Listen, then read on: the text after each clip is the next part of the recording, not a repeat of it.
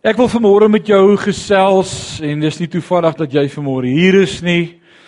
Ons as gemeenteraad of leierskap van hierdie gemeente is die afgelope paar weke besig om te besin en sommer koppe bymekaar te sit en gesprek te voer oor wat moet kerk wees en hoe moet kerk lyk? En wat moet gebeur as ons bymekaar kom soos vanmôre? En ek wil vanmôre op daardie tema bietjie voortgesels En ek sou bly jy's hier vandag want dit sou nie dieselfde gewees het as jy nie hier was nie. Sê vir jou langs jou, hoor jy? Ja, hoor jy? Sou nie dieselfde gewees het as jy nie hier was nie. En ek wil sê baie dankie vir laasweek uh, Prof Marius het vir my ingestaan en Walter het sange gelei en hier was 'n orkes gewees. Baie dankie vir almal wat daarvan deel was. Ek verneem dit was 'n baie kort en kragtige diens. En toe sê ek vir Marius, maar hy bederf die gemeente want as ek terugkom gaan julle swaar luister aan 'n lang preek weer.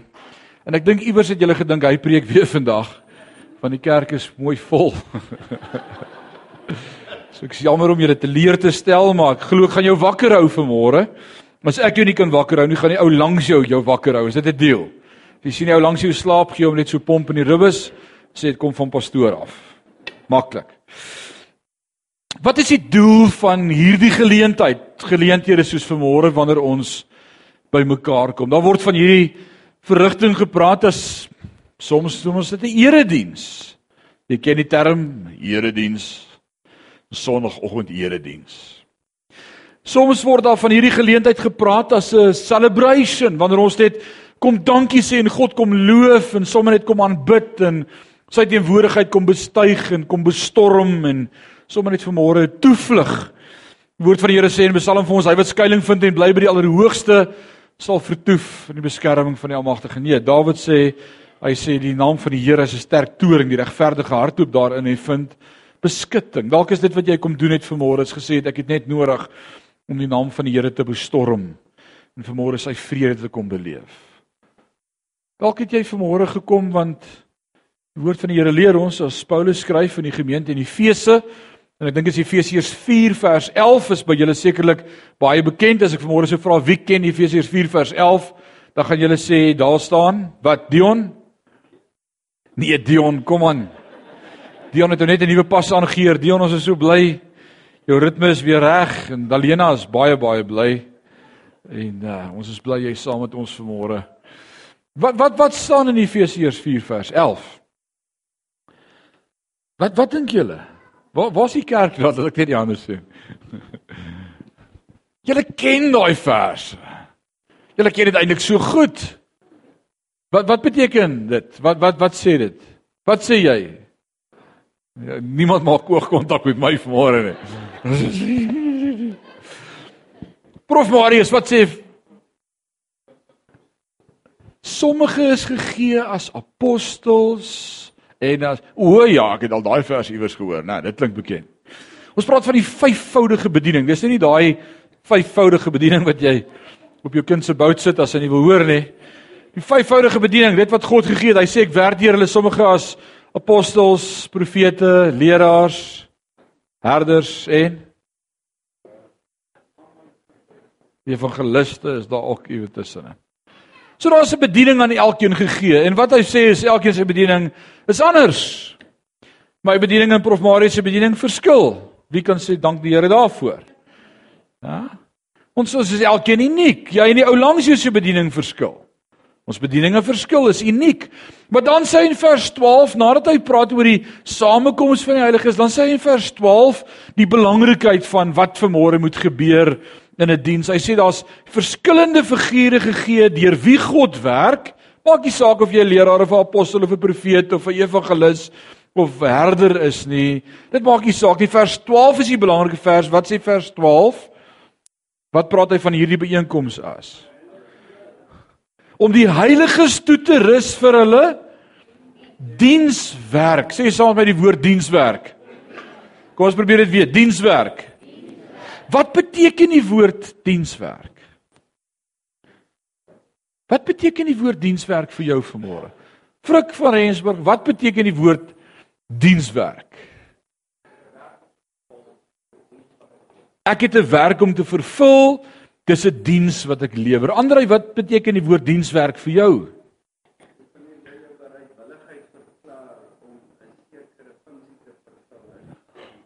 Andrei sê dit wanneer ek my bereidwilligheid verklaar om 'n sekere funksie in die liggaam, dis 'n belangrike woord want is in daai vers en in die volgende vers in die liggaam te vervul.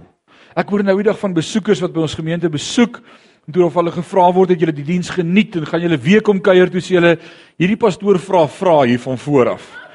Want hulle is baie bang vir dit. Ek wil net vir jou sê dat alle vrae wat ek van voor af vra is rehearse. Alraai.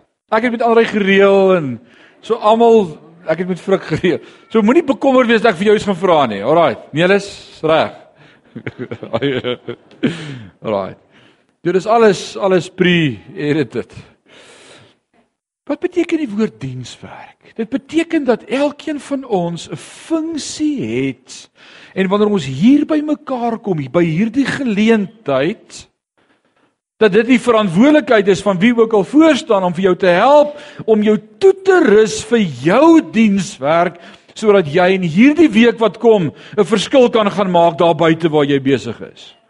Is dit hoe ek die Bybel moet verstaan? Is dit hoe jy die Bybel verstaan? Ek hoop ons verstaan die Bybel so. Want dis waaroor vanmôre gaan, is om jou toe te rus, 'n tool in die hand te gee, 'n instrument vir jou te gee sodat wanneer jy hier uitgaan, jy kan sê ek is toegerus om in hierdie week die goeie nuus, die blye boodskap van Jesus Christus aan 'n verlore gaande wêreld te verkondig. Dis waaroor vanmôre gaan. Maar ons het sekere verwagtinge wat tradisie vir ons kom leer het van wat vanmôre moet wees en, en ons het sekere vorm rotines wat ons dink dis hoe 'n erediens moet lyk en dit moet begin met 'n opening, met 'n gebed. En dan moet ons mos die diens oopsluit want hy was toe gewees vir die hele week. En as die diens dan oopgesluit is met 'n gebed, dan dan kan ons die afkondigings na kyk en as dit afgerig is, dan kan ons sing. En ons moet eers vinnig sing en dan kan ons stadig sing. Daai vinnig sing is belangrik, dat almal eers bly raak in die Here en dan kan ons stadig sing, dan huil ons vir die Here. En na die stadige sing, dan kan die woord kom. Dan is dit alraai, dan kan ons na die preek luister, net nie te lank nie, want ons het nog 'n hoender in die oond by die huis. Die dae van skaapbout in die oond is verby. nee. Is like.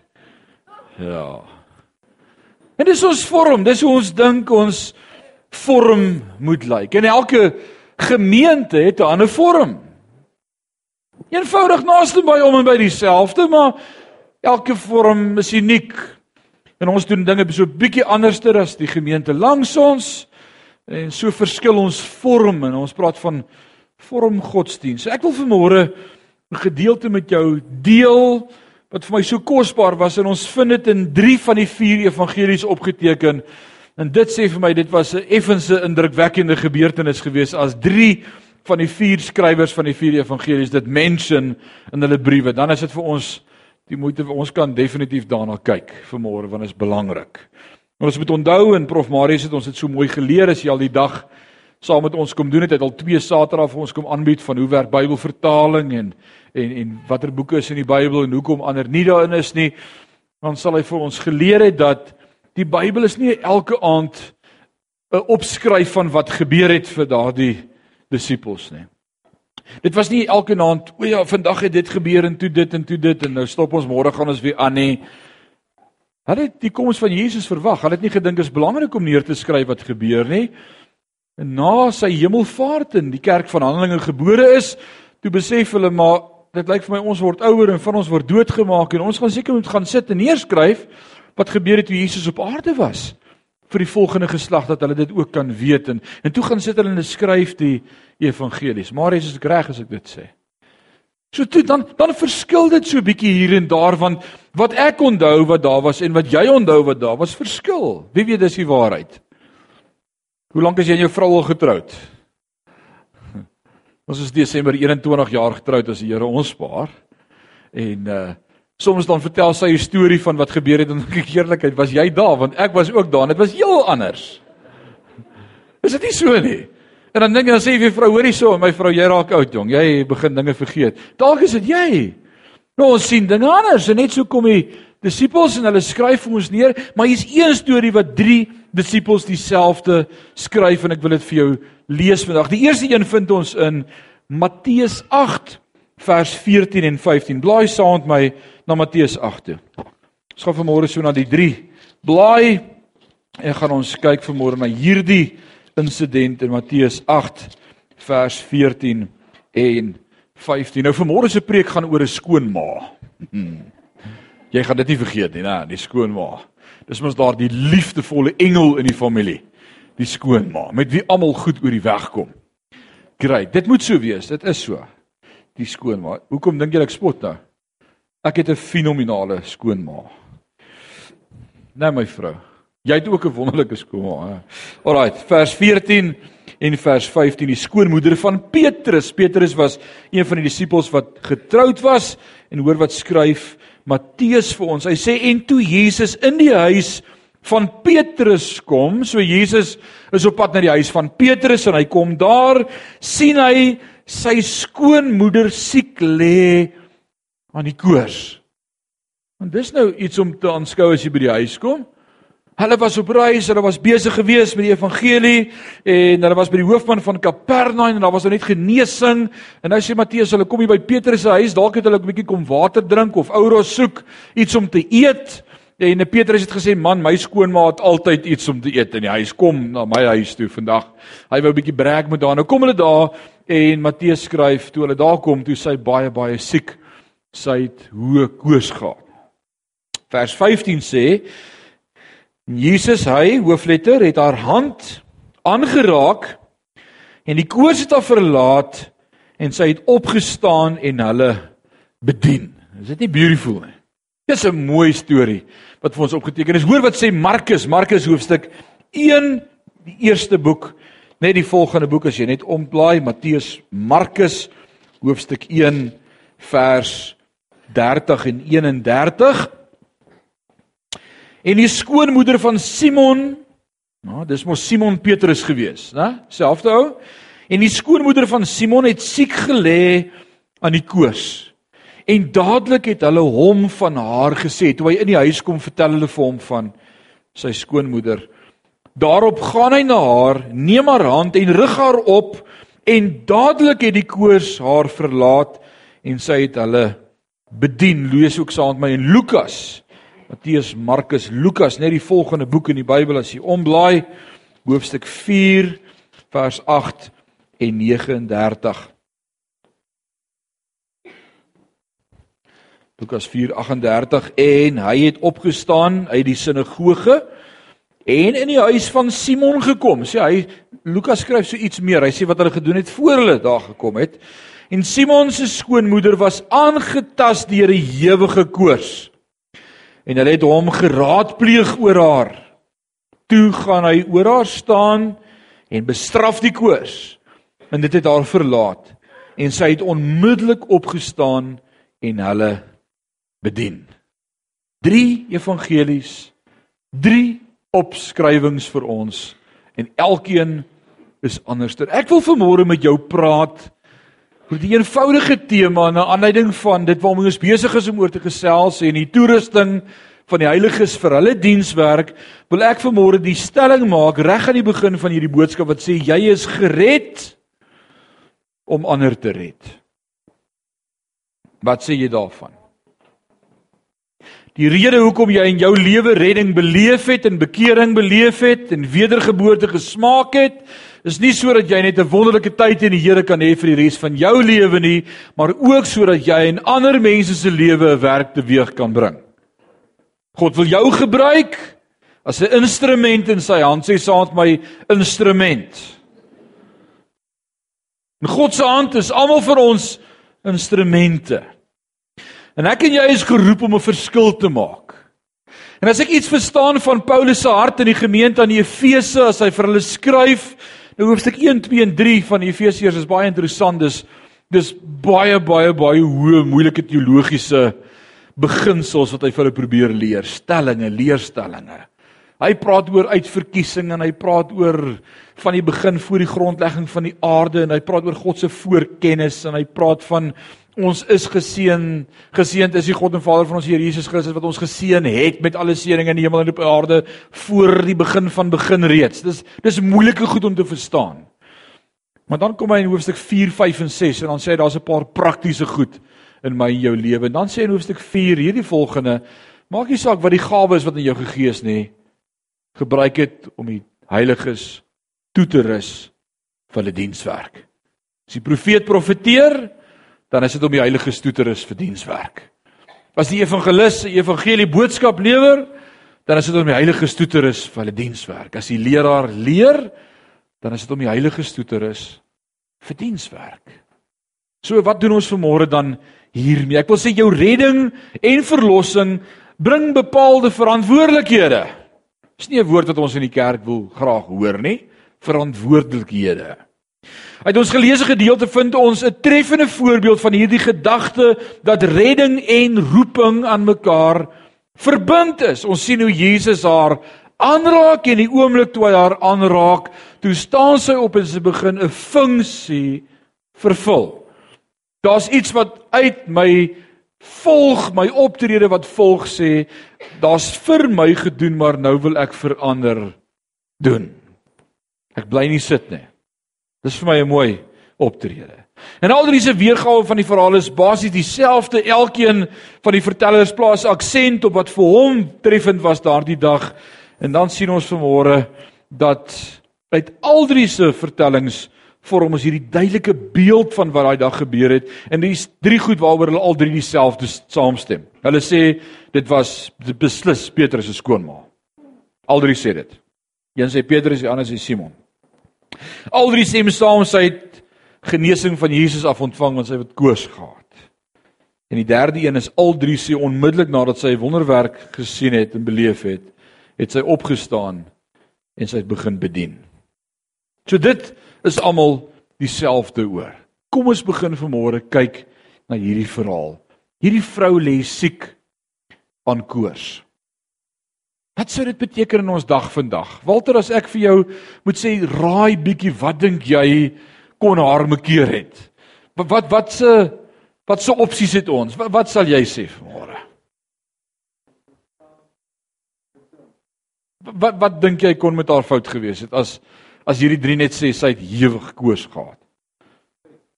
Dit kon griep gewees het. Het jy al griep gehad? Wie van julle voel op julle lekkerste as julle lekker griep het? Seker jy hand op. Nee, jy wil in die bed lê en die gordyne toetrek en onder die komberse inkruip en vir almal sê los my net uit, my lyf is seer en ek voel aaklig en mislik en my kop voel dik. Jy's nie op jou beste as jy griep het, né? Ek weet nie van jou nie, maar ek's beslis nie op my beste as ek griep het nie. Inteendeel, jy sal so een of twee afspraakies dalk nog kanselleer ook en sê ek het 'n kopverkoue of 'n griep en jy het koors. En dan is die boereraad mos drink 'n disprin en uh gemmer brandewyn en klim onder 6 komberse in en sweet dit uit. Geen genade met siek mense gehad nie. Kyk of jy's reg of jy's dood. Een van die twee. Sy het ewige koors. Ons leer in Matteus 8 vers 14, hy sê sien hy sy skoonmoeder siek lê aan die koors. Nou daai woordjie lê in die Griekse taal is die woordjie ballo. Daai woordjie ballo wat hier staan beteken letterlik dat iets gegooi word in die hoek sonder enige sorg oor waar dit mag neerval. Dis basies wat die definisie van die woordjie ballo beteken. Hierdie griep of verkoue of siekte of infeksie Koors het nie geworry waar hy haar neergooi nie. Daar was geen waarde van haar vir hierdie koors nie. Sy is die victim. Sy was nie in beheer nie. En ons kan by wyse van spraak sê dat hierdie koors geen genade vir hierdie vrou getoon het nie. Daar was nie genade nie. Niks. Dit was 'n toestand waarin daar nie met sekerheid gesê kon word wat die uitkoms gaan wees nie. Die koors het haar uitgemergel. Dit is juis hierdie toedrag van haar siekte toestand wat Lukas wat 'n dokter was, dryf om in Lukas 4 vers 38 te sê dat hierdie vroue ewige, hy skryf dit by, die ander sê dit nie, hulle is koors. Hy sê dit was 'n ewige koors. Wat sal jy sê is 'n ewige koers, dokter Walter? 40. Dan is dit 'n gevaarlike koers vir 'n groot mens, is dit baie gevaarlik. Lukas het iets verstaan van medisyne. Hy sê dit was nie net 'n koers nie, dit was 'n ewige koers. Dit sê vir ons iets daarvan. Lukas noem dat sy deur hierdie ewige koers aangetas was. Wat sal dit beteken vir môre? As 'n koers jou aantas. Hæ? Is jy al aangetas deur koers, deur koers, hoor? Deur koers. Ewig, jy begin deur mekaar praat en hallusineer en jy jou woorde maak nie sin nie. Dit is dis deur mekaar. Sy was totaal deur hierdie siekte toestand oorweldig. Die koors het 'n totale en algehele greep op haar gehad. Ek dink die bottom line wat ons hier kan sê is hierdie vrou was ernstig siek. Kan ons dit sê? En dis die dis dit wat Jesus sien toe hy in die huis instap en hy sien hierdie vrou is ernstig siek en haar siekte toestand het haar verhinder om haar huishoudulike pligte na te kom. Dit het haar verhinder om as gasvrou teenoor haar gaste op te tree. So wat ons vanmôre vir mekaar sê is hierdie toestand in Petrus se skoonmoeder het haar verhinder om te doen wat sy gewoonlik sou doen of moes doen. Jy gaan net nou die die lyntjie deurtrek na jou en my lewe toe. Hou vas. Wat gebeur volgende? Jesus verskyn op die toneel. Wie kan sê amen? Jesus verskyn altyd op die toneel. Ook in my en jou lewe. Jesus kom op die toneel en let op hoe dat Jesus met autoriteit ewe skielik hierdie omstandighede vasvang. Hy los dit nie net dat dit uitrafel nie. Markus 1:31 sê vir ons daarop gaan hy na haar, neem haar hand en rig haar op. En dis wat Jesus doen. Let op, Jesus tel haar nie op nie. Hy rig haar op. Hy herstel haar volkome. Hy genees haar tot so 'n magte dat sy al haar kragte herwin. Sy het nie in die bed gaan klim en toe gaan rus omdat sy moeg was van die koors nie. Sy is in een oomblik herstel. Die moegheid is weg. Jesus rig haar op. Sy optrede teenoor haar spreek van finaliteit en absolutiteit. En ons let op hoe dat Jesus dit wat die vyand gedoen het, totaal van kant maak. Wat ons lees in Lukas 4:39, toe gaan hy oor haar staan en bestraf die koors. Lukas sien dit bietjie anderster. Hy sê hy het nie net aan haar geraak nie. Hy het dit bestraf. Met ander woorde, daar was autoriteit in Jesus se woorde. Hy het dit bestraf en dit het haar verlaat. En Jesus maak die werk van die vyand tot nul. En dan lees ons dat hierdie vrou dadelik genesing ontvang het. Daar's 'n derde ding wat ons nadat sien. Die eerste een, sy was siek, tweede een, Jesus het haar aangeraak. Die derde ding waaroor al drie dieselfde sê, is sy dadelik haar verantwoordelikheid opgeneem. Wat beteken dit? En haar onmiddellike aksie na hierdie wonderwerk is om mense in haar huis te bedien. Dadelik toe sy gesond is, het sy kombuis toe gestap en die ketel gaan aansit vir koffie.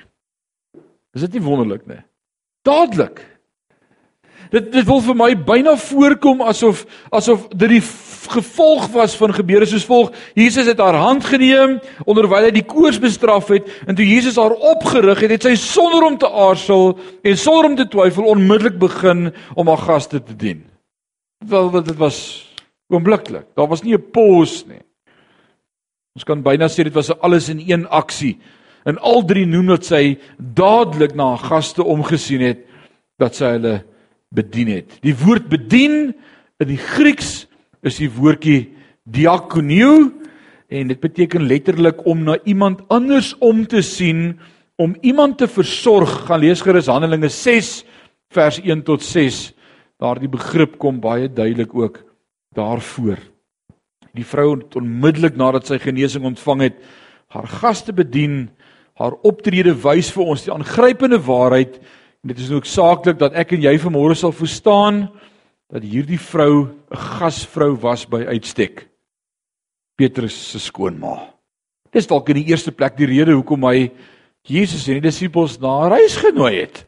Want dit lyk vir my asof nie een van hulle voor die tyd geweet het sy siek nie. Want toe hulle daar kom, toe merk hulle eers dat sy siek is. Ek dink Petrus het vir 'n oomblik genip. Hy het nou moeilikheid. Imagine jy bring 'n klomp vriende na jou skoolma se huis en sy is siek. Andrei? Dis moeilikheid. Nag. Nag Nella. Kon jy nie gewaarsku het nie. En nou is jy in die moeilikheid. Maar hy bring Jesus raak haar aan en sy is volkome gesond en sy begin bedien. Nou is die vraag vir môre, hoe raak dit vir môre? vir my en vir jou. Ons moet dit vir mekaar mos nou vra vanmôre. Anders gaan jy net huis toe en sê, "O, ek het vanmôre geleer van Petrus se skoonma wat siek was en sy is gesond." En dalk bring jy volgende week jou skoonma vir gebed dat sy kan begin koffie in die huis maak. Nee, dis nie waaroor vanmôre gaan nie. Dis glad nie waaroor vanmôre gaan nie. Hoe raak dit my en jou? moet die volgende stelling maak. Soms veroorsaak 'n gesindheid of omstandighede 'n geestelike siekte toestand in my hart wat maak dat ek nie in staat is om na die mense om my om te sien nie. Soms gebeur daar dinge in ons hart, in ons lewe Daar gebeur goed met my en met jou. En die duiwel is uit daarop om hierdie goed in ons harte te laat gebeur sodat ek my plig en my verantwoordelikheid teenoor my mede-erfgename, die medekinders van God, die medeheiliges, nie nakom nie. En nie bereid is om diens te doen en om te help om toe te rus vir dienswerk van die heiliges nie. En ek wil vir so 'n oomblik met jou daaroor praat vanmôre. Wat dink jy is die goed in ons lewe wat gebeur waarvan God ons moet genees sodat ons aktiewe disippels kan wees wat 'n verskil maak in ons omgewing en in ons familie. Wat is Sion se funksie in Parys? Wat wil God deur Sion in Parys doen? En dis die vraag waarmee ek die afgelope ruk worstel en oordink en oorbid is. Is is is Sion net nog 'n gemeente. Is Sion net nog 'n plek waar mense bymekaar kom en en ek wil sê daar's vermoere baie baie ander kerk, baie ander kerke in Parys. Wie van julle het al getel hoeveel kerke het Parys? Wie weet? Oom Leon sê 27, ek het 27, ek het 27, ek het 27. Johan, wat sê jy? 34, ek het 34, het ek 34, het ek 35. Hoeveel sê jy? 35, ek het 35, ek het 35. Ek het op hotel by 33. Dit kan 34 of 35 al wees. Ek kan nie vanmôre vir jou sê dis die lys. Ek het net op hotel en besef dis baie. Parys. Waar ons al 29 jaar woon vandat ek as 'n standaard 7 laaitie ingetrek het saam met my maale En ek onthou min kerke was daar daardie jare. Ek kon hulle op twee hande noem. Nou soos in die 30 kerke. En dan vra ek myself, wat maak Sion gemeente uniek? Wat maak Sion gemeente anders as al die ander 32 kerke? Of sal ons vir mekaar moet sê as ons om een of ander rede Sion se deure vanmiddag toemaak en 'n bordjie opsit wat sê Sion is nie meer hier nie. Sion is toe, Sion bestaan nie meer nie. Wat sal gebeur in Parys? Of sal almal vir ons maar net iewerster ander by die ander 32 of 33 kerke 'n plekkie kry waar ek tuis voel en maar net aangaan met my verhouding met die Here? Hoeveel van ons sal by die huis sit? Hoeveel van ons gaan Sion regtig mis? Dan dink ek dit moet verder gaan as dit. Nie net met ons Sion mis nie, maar Parys moet Sion mis. Parys moet weet, hey, hier 'n kerk se deure toegemaak en hier's 'n gemis. So wat is ons doel en ons funksie dan? Wat is dit wat die Here deur ons wil doen in ons gemeenskap vir mekaar, vir jou medewerkskollegas? Wat wil die Here deur ons vir hierdie dorp doen? En wat verhinder ons om dit te doen wat God wil hê ons moet doen? Want wat waar is is dat ons Sondag vir Sondag hier kom sit met sekere vooropgestelde idees van wat kerk moet wees. En as ons vanmôre sou vra wat dink jy moet kerk wees of wat is belangrik vir jou in Sion of wat moet hier wees, dan uh wat gaan die goed wees wat ons mekaar sê? Hoekom kom ons Sion toe? Ek het van Nelis gevra om voorberei vir hierdie vraag. Nelis? Onthou jy? Hoe hoekom kom jy Sion toe, Nelis? Om die woord te kom luister. So ons sê vir mekaar vanmôre vir mekaar, daar's 'n waarde aan die woord. Ek ek kom omdat ons op die woord bou en die woord oopmaak en die woord breek en ons glo ons is 'n woordkerk. As ek reg as ek so sê. Wie van julle sê amen? Alrite, great. Ek glo dis 'n woordkerk. Sandra, ek het vir jou gevra om voor te berei. Sandra, hoekom kom jy Sion toe? Jy moet harde sê. Om God te loof en te prys. Met ander woorde, ek glo kerk moet wees 'n geleentheid waar ons op God kan fokus, die samekoms van die heiliges om hom te aanbid en te verheerlik en en en hom net groot te maak. Dis grait. Wie sê saam met haar amen? Dis hoekom jy is. Nou, so 'n paar, so 'n paar. Andrei?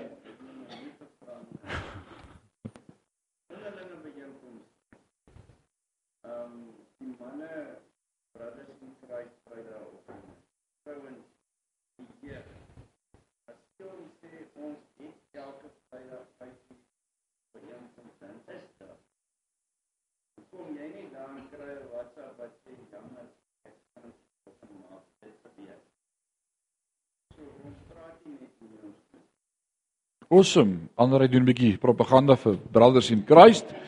Vrydagoggend om 5uur vir al die manne. Uh jy gaan nie hier kom en uit van hier is nie. Hulle is altyd daar. Dis vir ons duidelik gekommunikeer. Maar dis waar. Ons praat hier net van onder byeenkomste as sonnaandoggende nie, maar ook dit wat deur die week gebeur. Sonde aan het ons woordskool. Wie woordskool almal sê amen. Vanaand gaan ons aan met Efesiërs 2. Woordskool prakties vers vir vers in die woord van die Here en ons leer die Bybel ken. Dis belangrik. Die woord van die Here sê my volk gaan teen gronde weens 'n gebrek aan. Ons moet God se woord ken. Gnosis. Ons weet wat dit beteken. Woensdaagoggende die vroue. Dinsdaaande en Vrydaande lift dit. Dankie vir Jacques en vir dit wat by lift dit gebeur. Ons loof die Here vir 'n plek waar tieners net bymekaar kan kom en God aanbid terwyl hulle lag en raas. Dis hoekom ek dit nie aanbied nie.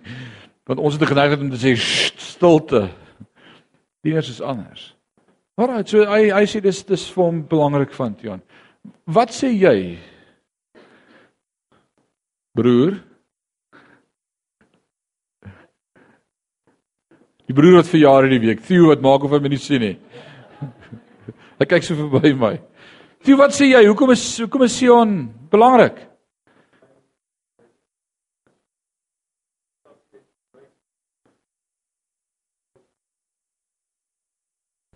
Awesome. Die woord van God word vir hom verduidelik. Hy stap uit vir ryk toegerus en vol van die Heilige Gees. Kom ons kyk 'n bietjie na RSG. Wie het ek almal daar afgespreek? Bietjie kyk sommer dadelik verby. Hy Heeltemal. Juffrou Engela. Wat wat wat wat maak Sion vir jou Sion?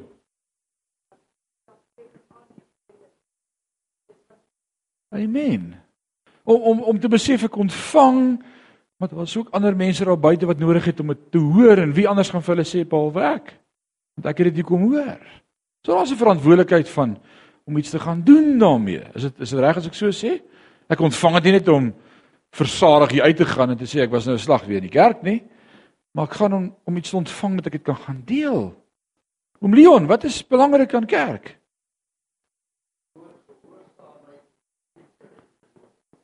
Liefde, liefde vir die woord. Ek wil sê ook liefde vir mekaar, né? Eh, die woord sê hieraan sal die wêreld weet dat julle my disippels is. Aan julle? Aan julle wat? Liefde. Liefde ook 'n liefde vir God se woord en dis belangrik in 'n die diens. Maar wat is die goed? En nou kom ons waar die tekkie die teer tref. Wat is die goed wat in my en jou hart 'n issue word? Wat is die obstacles? Wat is die hekkies? Wat is die hindernisse in my en jou lewe wat ons verhinder om hierdie funksie te kan uitleef na 'n wêreld daar buite. Wat is die hindernisse in ons lewe wat veroorsaak word? Wat dink julle? Kom ons praat 'n oomblik daaroor. Nou wil ek hoor wat sê julle. Uh, hier hier gaan nou gepraat aan. Wie het bo gepraat? Wat sê jy broer? Selfsugtigheid. Selfsugtigheid? Dion, jy het gesê. Alraai, Dion begin met die begin. Hy draai nie doekies om nie, hy sê begin met bekering. Die probleem is dalk was daar nie bekering in jou lewe nie. Met ander woorde dalk as jy net 'n kerkganger uit tradisie uit, jy het in 'n Christelike huis groot geword omdat jy gewoond was om elke Sondag saam met jou maale kerk toe gaan en jy maar begin kerk toe gaan. Jy doen dit uit gewoonte uit. Dis vorm godsdiens, maar daar was nog nooit in jou lewe 'n ontmoeting met God en wedergeboorte nie. Is dit wat jy wou sê?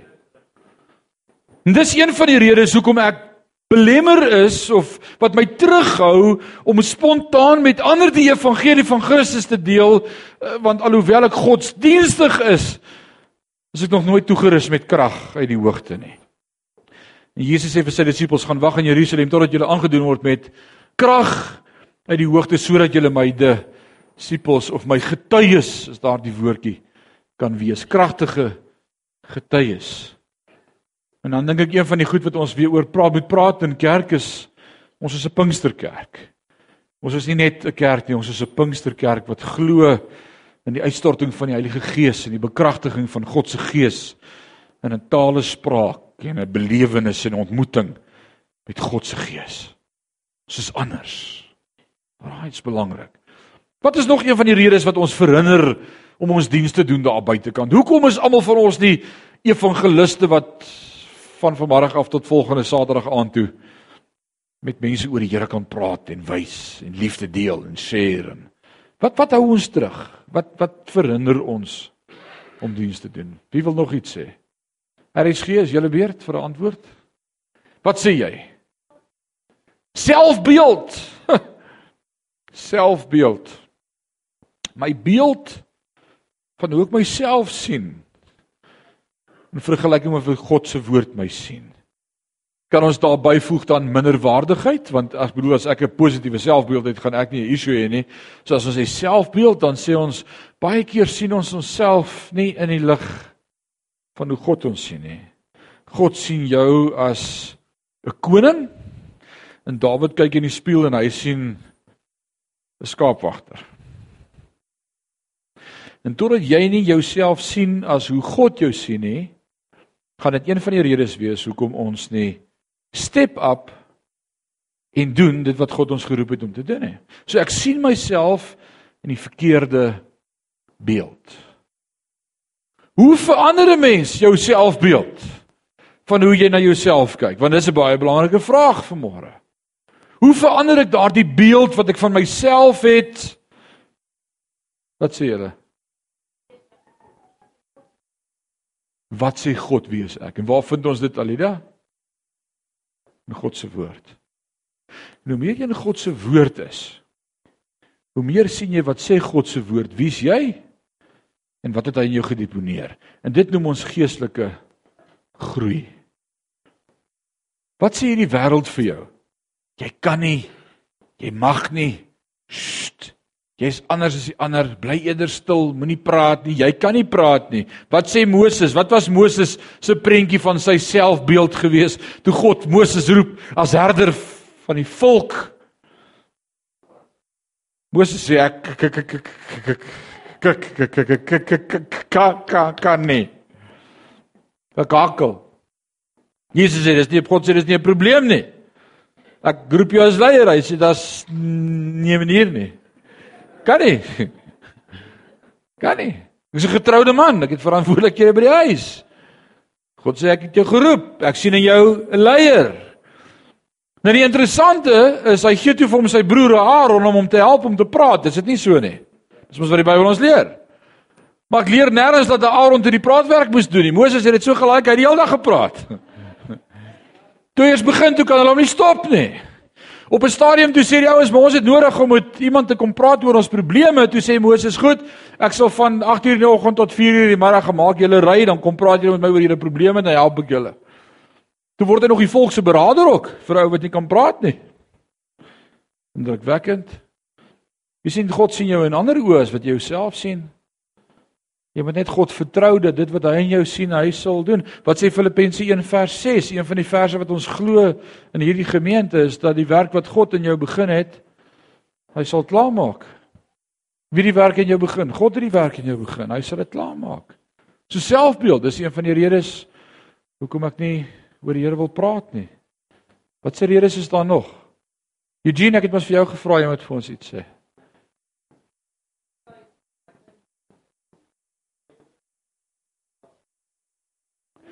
Klein goedjies wat my en jou terughou. Wat kan ons wat se naam kan ons gee vir daai goedjies? Dankie Eugene.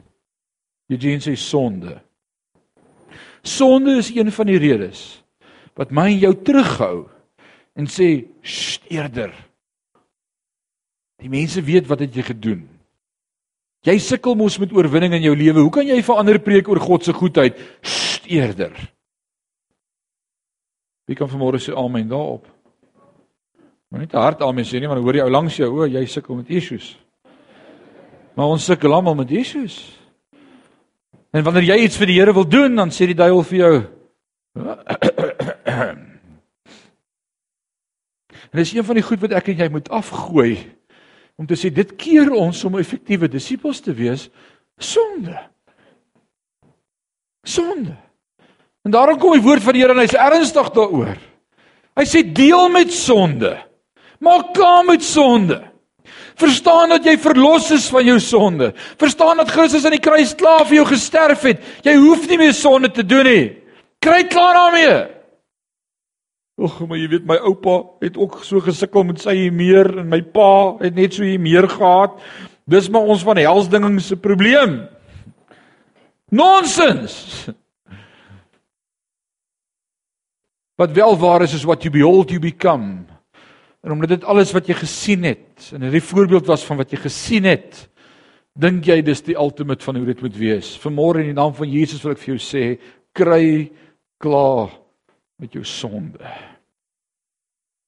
Iemand het eendag so mooi gesê, hy sê deel met sonde voordat sonde met jou deel. En hierdie is een van die redes hoekom ons nie evangeliste kan wees of diens doen vir die koning nie is omdat ons sonde in ons lewe het. Dit verhinder my van God se teenwoordigheid. Dit keer my om toe te laat dat God deur my werk. Dis een van die redes sonde. Wat sê julle nog? Wat is daar nog, oom Kobus? Is Ooh, dis 'n geestelike een hierdie, laat ek nou mooi eers dink. A spirit of busyness. En dis nou nie business nie. 'n gees van altyd besig, besig, besig, besig, besig. Ken jy sulke mense as jy vir 'n vrou gaan en sê, "Ooh, baie besig, besig, besig, besig, baie besig." Altyd besig, besig, besig, besig. Nou ons altyd iets om te doen, iets wat my besig hou, iets wat ek moet doen. Toe as ek weer sien as nog 'n dag verby. En nog 'n dag is verby. En ek's besig. Maar weet jy wat as ek en jy wil eerlik wees oor waarmee ons dan nou so besig was, dan wonder ek of dit die moeite werd was om besig te wees daarmee. Maar of ons vir mekaar met sê iewers het die duiwel ons tyd kom steel. Iewers word ons tyd. Wie, wie van julle stem saam met my vanmôre die dae word al hoe korter? Korter. Daar's al hoe minder minute in 'n dag. Al hoe minder. Toe ek jonk was was daar nog 60 minute in 'n uur. Ek dink daar's nou net 40 oor. Word minder. Word minder. Sy sien is tyd verby. Net so dan se dag verby. Net soos 'n week verby. Ouens, dis Oktober, jy moet begin met jou Kersshopping. Dit was gister Kersfees. Voel net so, dis net verby. En dan dink ek een van die groot ewels van ons tyd hoekom ons so min tyd oor het. Is hierdie goed. Is hierdie goed. Selfone. Ek's in die kerk en die twee mense my ge-WhatsApp in die kerk. So dit werk. Dit steel ons tyd. Daai selfoon wat jou so vas naal en jy kyk net die hele tyd. Dit is tyd wat gesteel word. Ons het nie meer tyd vir gesinne en vir families nie. Ons het nie meer tyd vir mekaar nie. Ons het nie meer tyd vir ander mense nie. Ons is so besig, besig, besig, besig. Ons baie warm Kobus, spirit of busyness. Wie sê nog iets vanmôre?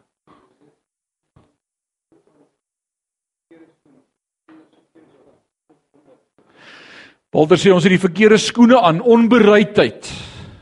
Die woord sê in Efesiërs 6 as hy praat oor die wapenrusting, dan sê hy trek skoene aan julle voete vir die bereidheid vir die evangelie en ek wil sê dis een van die redes ons is nie meer bereid om te sê maar ek sal nie. Daai bereidheid. Wie sal nee, net nie ek nie, ek is besig genoeg. Skort sonnaskool personeel. Wie wil ons help? Oeg, net nie. Oeg, nee, ek kan nie met kinders werk nie. Glad nie. Ek het net 5 kinders. Oom, net nie vir my vra nie. Ek is glad nie goed met kinders nie. Maar die Here het jou vertrou met kinders by die huis. Bereidheid. Dis sê ek sal. Die woord kom en hy sê wie sal ek stuur en wie sal vir my gaan? Sê ek, Here, stuur my hier so hier. Skryf dit nie meer nie. Bereidheid. Wat het oom Leon gesê? Kennis. Een van die redes hoekom ek nie wil gaan nie is ek het nie kennis nie. Ek voel net ek is nie ekoop nie. Ek o, ek gaan nie weet wat om te antwoord as hulle my vraag vra nie. O nee, ek kan nie met mense oor die Here praat nie. Ek ken nie die Bybel nie. Los dit vir die pastoor. Hy hy sal vir hulle help. Stuur hulle woordskool toe. Hy sal hulle help. O, maar net nie vir my vra nie. Regtig? As ek dit sê, sê ek God se gees praat nie met my nie. Sê ek ek hoor nie God se gees nie. Woord sê moenie julle voorneem in julle harte wat julle voor die tyd gaan antwoord of gee nie, maar wees altyd gereed om rekenskap te gee aangaande die hoop wat in julle is. Jesus Christus, wees altyd gereed. Die Heilige Gees leer dit op ons harte. Wie het op die galery iets gesê? Ati?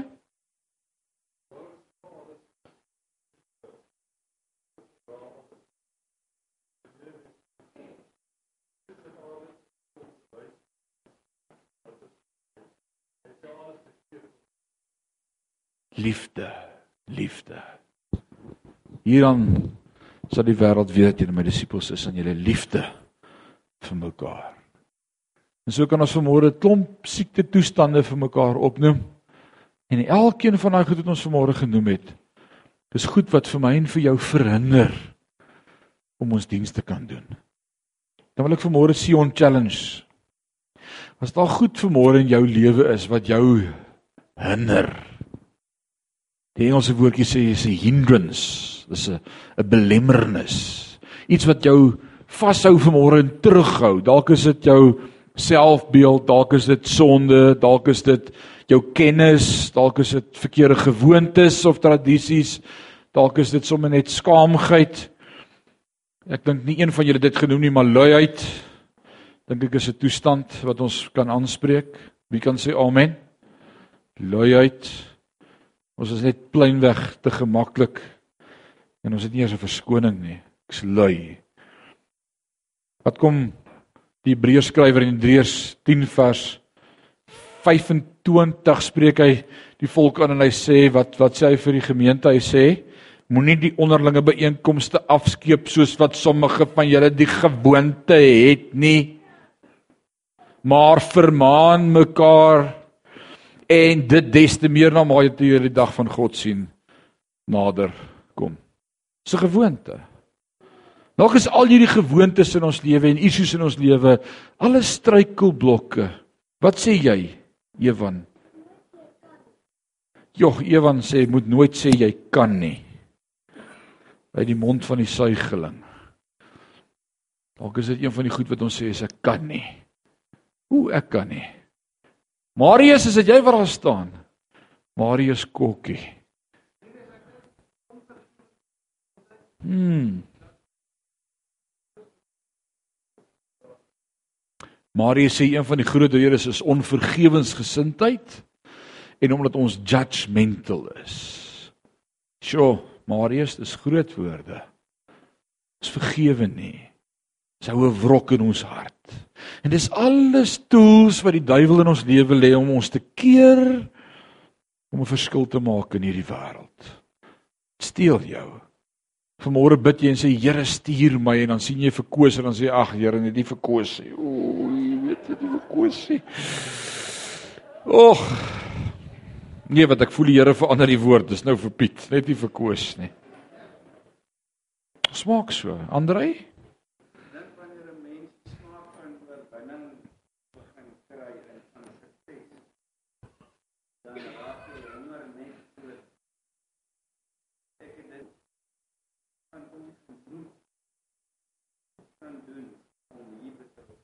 Jy sê 'n groot ding. Die woord wat by my opkom is taste and see that the Lord is good.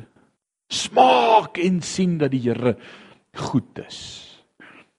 Ronnie, you you experienced something of what God can do. Taste and see that the Lord is good. When you when just come and share it with us quickly. Just just come and share it with us. Come forward. Ek wil hier met hoor wat sê hierdie man vir julle. Andrei sê dis dis wanneer ons honger word en en en sien wat gebeur. Ek ek wil hê julle moet gehoor wat sê wat sê Ronnie, wat het hy beleef en gesien en ervaar? It's amazing. Share share it with us. Okay, um ek wil graag in Engels praat. I have a friend who um at the beginning of the year um she actually ended up with a condition. It, it was a circulation condition. So what actually happened is her veins packed up on her legs. She woke up in the beginning of the year, sometime I think it was around February, and she had terrible pain in her feet, well, in her foot specifically. And it got worse and worse and worse and worse. And to cut this long story short, because she ended up at the hospital and um, they needed to do something quite drastic. So they sent her to Kronstadt, and what they did is they put balloons in her veins, and they opened up the veins to get the circulation going. And for a couple of weeks, it was actually fine, but the pain came back. So actually, one could call that little operation a, a failure. And um, she needed to go back to the hospital, so she did. Um, but the faith that this person had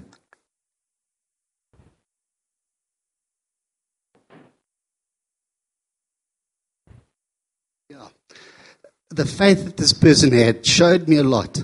Um, I remember I drove her to Kronstadt the one night. It was at the beginning of the year. And I was just like, but, but, but, you know, what do these hospitals actually do for you? But this, but. And she said to me, listen, no buts. I'm a child of God. Mm. Anyway, um, I remember that. I dropped off at Kronstadt the one night. It was about nine o'clock at night. After work, I drove her through there. The people weren't very helpful there, so once again you get a little bit irritated, but she wasn't prepared to get irritated. She actually said to me that night, she said, Listen, I think you must go back home now. I'm fine here. And she was sitting in the waiting room at nine o'clock at night, Stoksiel And she said, Listen, you go home now. I'm fine. God is with me. What actually happened is she ended up in Bloemfontein they did an operation. They cut her legs from ankle to thigh on both sides. They removed veins from the one leg and put them in the other leg. And this is how she's been living for the last couple of months. Needless to say that there's been there's gangrene is now formed in one of the toes. And as I understand it, you get, it, you get two types of gangrene. You get a dry gangrene and a wet gangrene and she's now developed gangrene. She is going to lose the toe. They're going to cut the toe off and she's going to end up with a stumpy. Anyway, um reg she was. Huh? Okay, so this is this is setting the scene. Um, during this week, she um, went back to the hospital and they said they looked at the gangrene. The, the circulation now is 100%. She's now, she's, it's taken a while to recover. She's, she's now able to walk. She's got circulation. She's got warmth in the foot. There's a lot of circulation that's come back. But the, the, little gangrene piece, which is on the toe, it's like the tip of the toe, has been bothering her. She went to the hospital and they said, now it's time to do something about this gangrene. Pretty much that we understand that they're now going to amputate the toe. So this weekend on Friday, I went away. I experienced an amazing weekend in Potchefstroom uh, wonderful things. I experienced, oh, that's another testimony for another day. But I came back last night And I was telling this friend of mine all about this weekend in Potchefstroom and what I've experienced in Potchefstroom, the love of people through different cultures. It was just an amazing weekend. And I'm ranting and raving and going crazy about this. And when I'm finished my story, she turns around to me and she says, You know, I've also got something to tell you. She says, On Thursday night, I was lying in my bed.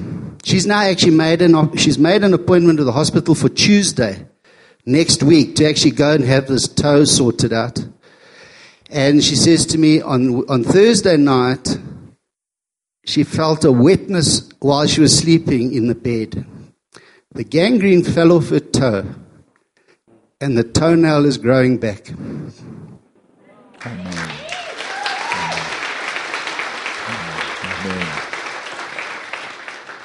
Amen. God kan genees. Hy wil genees. Wat maak dit ons om nie vertrou om te genees nie? Maar dis wat ander sê wanneer jy eers hierdie goed begin proe. Volgende keer gaan daar iets groter wees as 'n toon met kangareen. En jy gaan sê ek het geloof. Ek as ek God kan vertrou vir kangareen, kan ek God vertrou vir enigiets. Dis geloof om God te vertrou. Let's wrap it up. Wie sê amen? As jy bly gaan klaarmaak. As jy vanmôre sê ek weet die Here wil my gebruik en ek erken vanmôre daar's dinge in my lewe wat maak dat dit nie bruikbaar nou is vir die Here nie. Maar ek wil vanmôre dit vir die Here bring en sê vat dit vir my weg sodat ek 'n instrument kan wees in u hand. Staan op jou voete. Staan op jou voete. As jy weet die Here wil jou gebruik. En daar's goed wat vanmôre uit die pad moet kom. Staan op jou voete.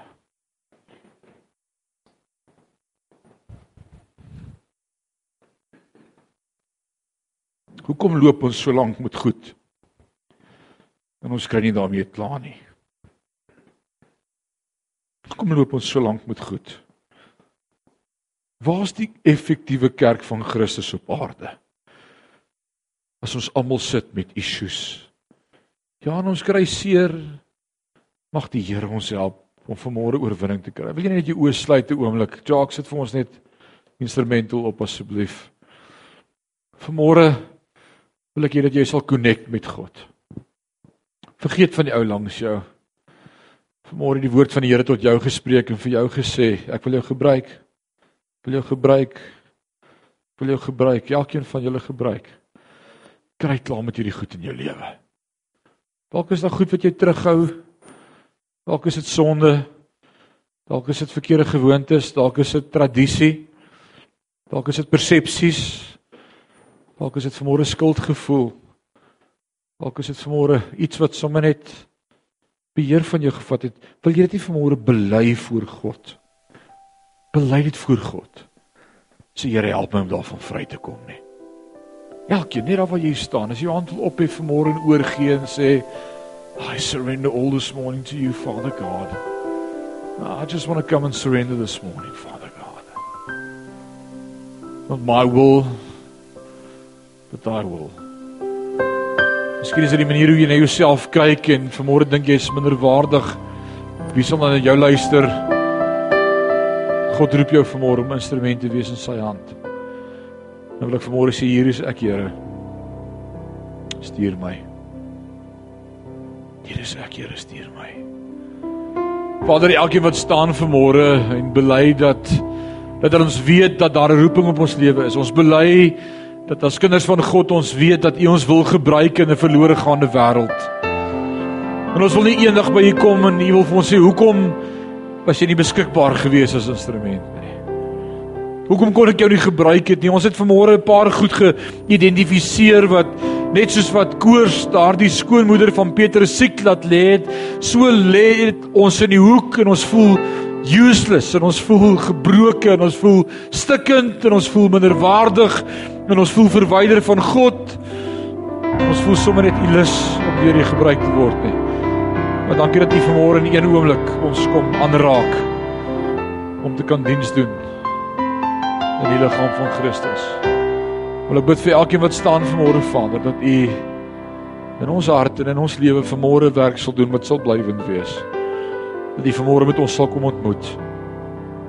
Dat vanmôre die oggend sal wees wat ons sal sê daai dag het ek dit eenkant geskuif.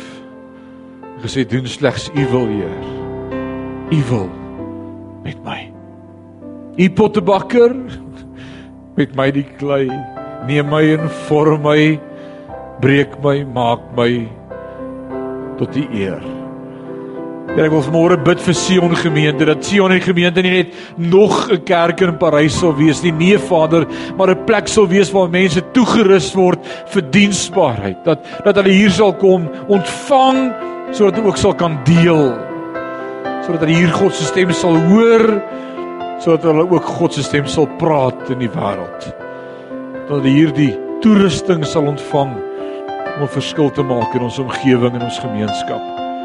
Ons bly vanmôre Parys het U so nodig. Here, ons wil vir 'n oomblik bid vir ons stad. Ons wil bid vir Parys. Ons wil bid vir huwelike in ons dorp. Ons wil bid, Here, die duiwel val soveel huwelike aan. Dan wil ek vanmôre kom in die naam van Jesus en ek wil verklaar Vader dat dit wat deur God saamgevoeg is nie gebreek mag word nie. Dat ons dit sal behou.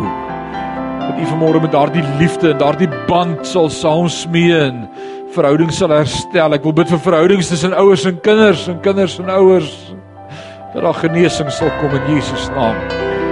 Vanmôre bid vir ons skoolkinders, Vader, dat U hulle sal vashou. Dat hulle sal op jong ouderdom God ontdek in sy woord en liefde vir U woord en die teenwoordigheid. Ons wil bid vir ons jeug. Ons wil bid vir ons seniors. Ons wil bid vir elke faset van hierdie gemeenskap. Ons het U so nodig gebruik ons vanmôre. Vanmôre wil ek sê hier is ek. Gebruik my. Ons eer U daarvoor, Vader. In Jesus naam en Sion sê amen en amen.